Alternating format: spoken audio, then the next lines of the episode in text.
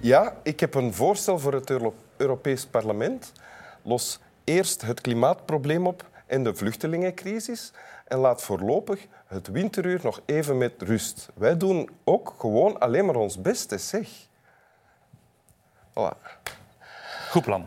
Ja, ik heb het ook eens gezegd. Het moest eruit. Welkom in Winteruur. Dank Wouter van Bezien, ehm, gezicht van Groen. Fractieleider van Groen in de Antwerpse eh, Gemeenteraad. gemeenteraad en Vlaams parlementslid. Ehm, vader van tal van kinderen. Vier. Eh, vier. Eh, ja, vier. Ah, amai. Is dat oké voor u? Dat klopt wel met tal van kinderen. Ja, ik, ja. En hoe oud is de oudste en de jongste? 18 en 4, respectievelijk. Ah, ja. Oké. En u hebt een tekst bij. Wil u die Ja, ja. voorlezen? Daarvoor ben ik hier. ja. En ook voor de gezelligheid. Toch vooral voor de tekst. Je kunt jezelf niet zien. Je weet hoe je eruit ziet vanwege spiegels en foto's. Maar in de grote wereld, als je je te midden van je medemensen beweegt, of het nu vrienden, vreemden of de innigste geliefden zijn, is je eigen gezicht voor jou onzichtbaar.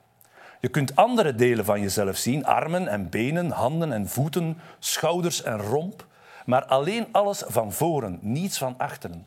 Behoud dus de achterkant van je benen als je ze in de juiste stand draait. Maar niet je gezicht, nooit je gezicht. En uiteindelijk is, althans wat anderen aangaat, je gezicht wie je bent, de essentie van je identiteit. We zijn allemaal vreemden voor onszelf en als we al enig besef hebben van wie we zijn, dan is dat alleen omdat we leven in de ogen van anderen. Oké. En dit komt uit Winterlogboek. Winterlogboek, Paul Ooster. Ja, een boek met eh, kort, korte stukjes over van alles, hè? denk ik. Dat is een samenvatting. Hij wordt 65 jaar en hij heeft een soort autobiografie geschreven om te zeggen, ik ga nu in de winter van mijn leven stappen en ik kijk terug op wat mijn leven geweest is. Maar het gaat niet over alle boeken die hij geschreven heeft of de films die hij gemaakt heeft, maar het gaat over eh, de- de- het been dat hem gebroken heeft, het litteken dat hem eh, in zijn gezicht heeft overgehouden van het een of het ander, de plaatsen waar hij allemaal gewoond heeft. Dus meer de, de, wat je zou kunnen zeggen, alledaagse, zeer persoonlijke dingen. Maar daar geeft hij betekenis aan, daar begint hij over te schrijven. En ik vind dat zowel grappig als interessant. Oké, en ik, u kiest daaruit dit fragment, Ja. Want wat wordt hierin verteld? Wel, eh, de reden waarom ik het kies is, ik vind het eigenlijk, het is een gedachte die geformuleerd wordt, die eigenlijk evident is, maar die, je, of die ik zelf Namelijk, alvast... namelijk de gedachte, we kunnen nooit ons eigen Ja. gezicht zien, behalve in de spiegel. Ik had daar nog nooit aan gedacht dat dat zo was. Hè. Van, ik heb in levende lijven mijn eigen gezicht nog nooit gezien. Ik zal het ook nooit zien van heel mijn leven niet. Eh, dus enkel onrechtstreeks, via een spiegel of via een foto. Eh, en dus dat, eh, dat klopt eigenlijk. En het geeft natuurlijk ook een, een, een diepere betekenis van... Ja, hoe kun je jezelf kennen? Je kan nooit jezelf helemaal kennen. Je hebt nooit zicht op je volledige zelf. Daar heb je altijd anderen voor nodig die jou bezig zien en die ook een aspect van u kunnen, kunnen betekenis geven, kunnen, kunnen ja, interpreteren. En zo. Ja. Dus zegt hij, denk ik hier, wat eh, je eigen maakt, wat je identiteit is, dat ontleen je aan de blik van anderen. Klopt dat? Ja, dat klopt. En het is ook, hoe ik het lees, is ook, en je kan er nooit eh, zeker van zijn dat het juist is. Dus je kan proberen je eigen identiteit op te zoeken, maar je zal ze waarschijnlijk nooit vinden, want iedereen kijkt naar u en iedereen zal er iets anders van maken. Dus een identiteit is ook niet vast omlijnd, is ook niet vast te grijpen, eh, is ook niet constant. Het is veranderlijk. Mensen die u tien jaar geleden hebben bezig gezien, zullen daar waarschijnlijk iets anders over gezegd hebben dan diegenen die u nu bezig zien. Geldt het dan ook voor? U- Uw gevoel van eigenheid of identiteit, is dat dan ook iets, iets vloe of ben je daar gewoon niet, niet of nauwelijks mee bezig? Of... Nee, natuurlijk denk ik, allee, ben ik daarmee bezig en denk ik iedereen dat je wel wilt weten van wie ben ik eigenlijk, wat doe ik hier en waarom doe ik het. Maar ik ben er mij wel van bewust van eigenlijk zal ik het nooit helemaal doorgronden en dat is misschien ook wel goed, want vanaf je denkt dat je weet wie dat je bent, eh, ja, dan word je misschien lui of dan word je misschien, eh, Zelfgenoegzaam. ja, zoiets. Ja. Hebt u dat dan al zien gebeuren bij anderen? Ja, ja. Maar het, interessante eraan is, ehm, ik, het doet mij ook denken aan een totaal ander eh, eh, citaat van, van George Orwell.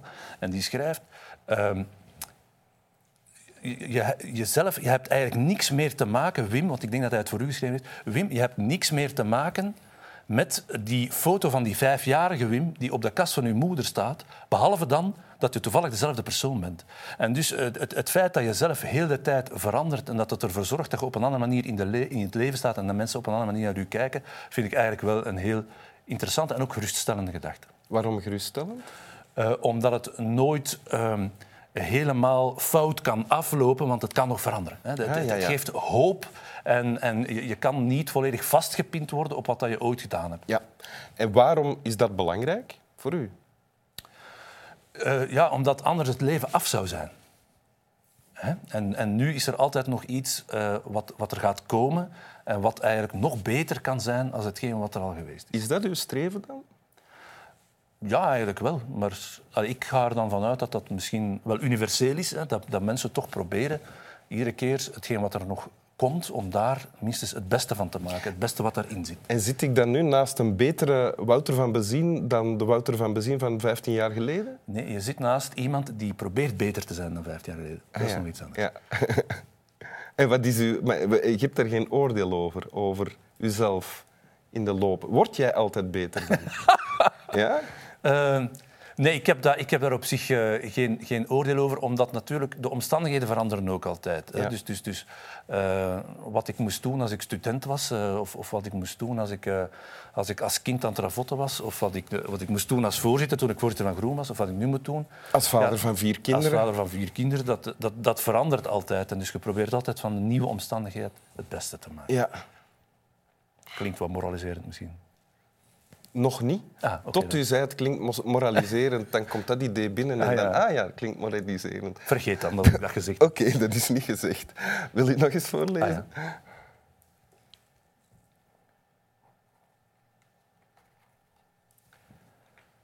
Je kunt jezelf niet zien.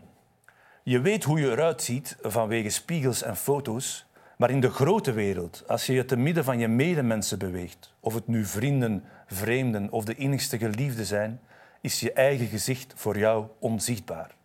Je kunt andere delen van jezelf zien, armen en benen, handen en voeten, schouders en romp, maar alleen alles van voren, niks van achteren. Behoud dus de achterkant van je benen als je ze in de juiste stand draait, maar niet je gezicht, nooit je gezicht.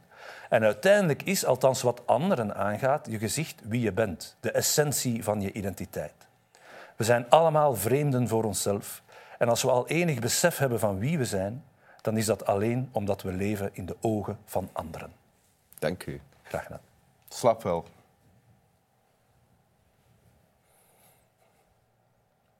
Ik vroeg mij nu af, eh, tijdens het lezen, het is natuurlijk waar dat we ons gezicht nooit in het echt zien, alleen via een foto en een spiegel of een spiegel of zo. En zit jij dan content van je gezicht? Ik heb daar weinig mening over. ja. ja. Lijk ik een beetje op jou? Is u dat al gezegd? Nee. Dus waarom ik het vraag? Ik weet het niet. Ik denk het... Een baard en een bril. Ja, nee, ik denk niet dat we Nee, echt... eh, echt Dan laten we dat zo. Ja. Ik heb periodes dat ik heel content ben met mijn gezicht. Oké. Ja. En is dat nu zo'n periode? Ja, nu valt het wel mee eigenlijk. Ja.